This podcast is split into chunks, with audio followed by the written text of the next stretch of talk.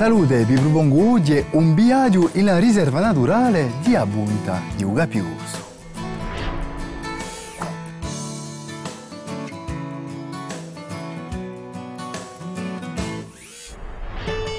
Un'isola in dell'isola.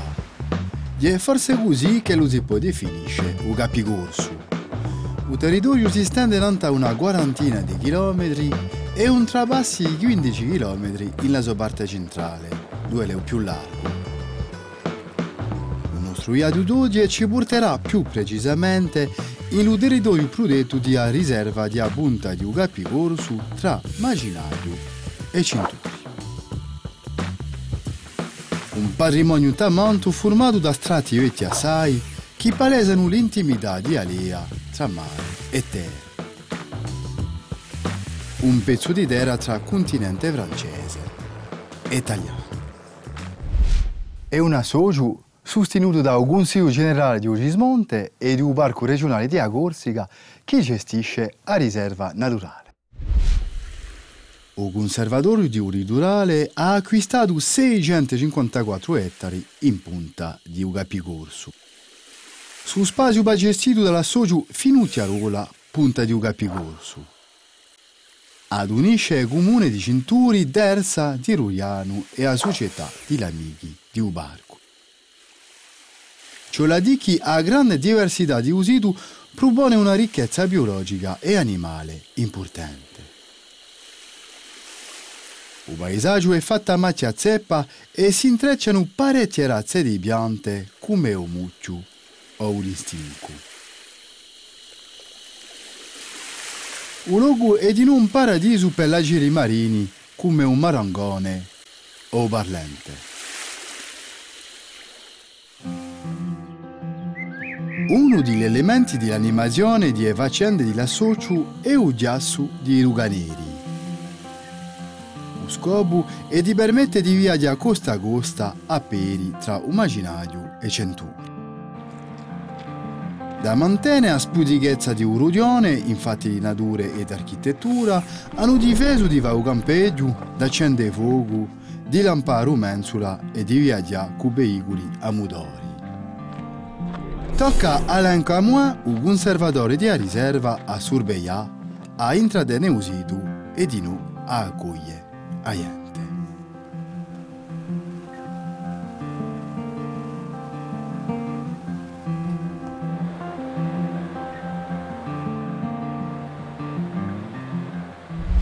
In riserva naturale di Abunta di Ucapigorsu esiste una vera comunione tra natura e cultura.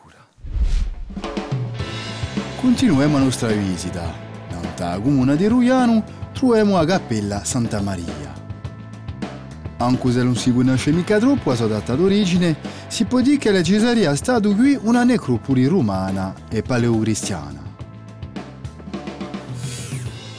Da notare in Trento ha particolarità di a doppia abside con una navata unica.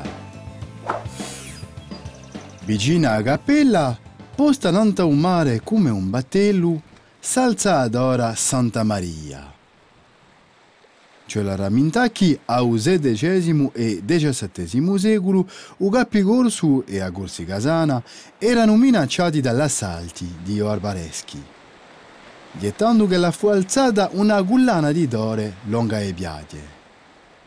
In Ruiano, ad Ara Santa Maria di Agliapella fu compia in 1549.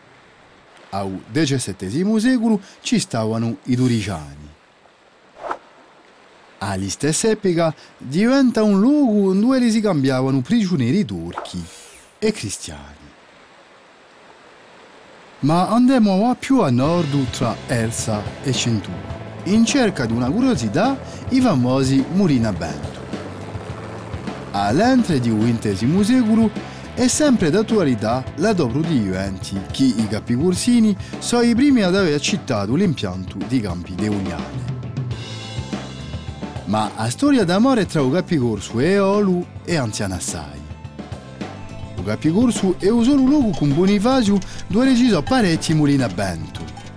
E ci tocca a ramintacchi se i mulini erano adobrati da valloglio a farina di grano, a un cuburu, a farina castagnina. O più famoso è forse un mulino Mattei, anziano mulino Franceschi. All'inizio era un vero mulino a vento, ma fu restaurato da un capo d'impresa, Francesco Mattei, davano innanzitutto un oggetto di pubblicità. Un mulino Mattei faceva da centro di informazione per la socio Finutiarola, punta di Capicorso. Attenti, è di primura per l'uomo di preservare suo ambiente. C'è la ramintacchi a crescita della popolazione ingegna bisogni noi e attività che si sono sviluppate da poco, come il turismo. La pressione demografica minaccia lo spazio naturale, vegetale e animale di usido. Lo scopo è agire di modo durevole in un ambiente naturale delicato. Tocca all'uomo a imparare a rispettarlo e a preservarlo a pro di la bene. Ramintemoci. Un'isola in dell'isola. È così che lo si può definire un capicorso. La riserva naturale di Abunta di Ugapicorsu tiene un patrimonio biologico e culturale da monto. A presto.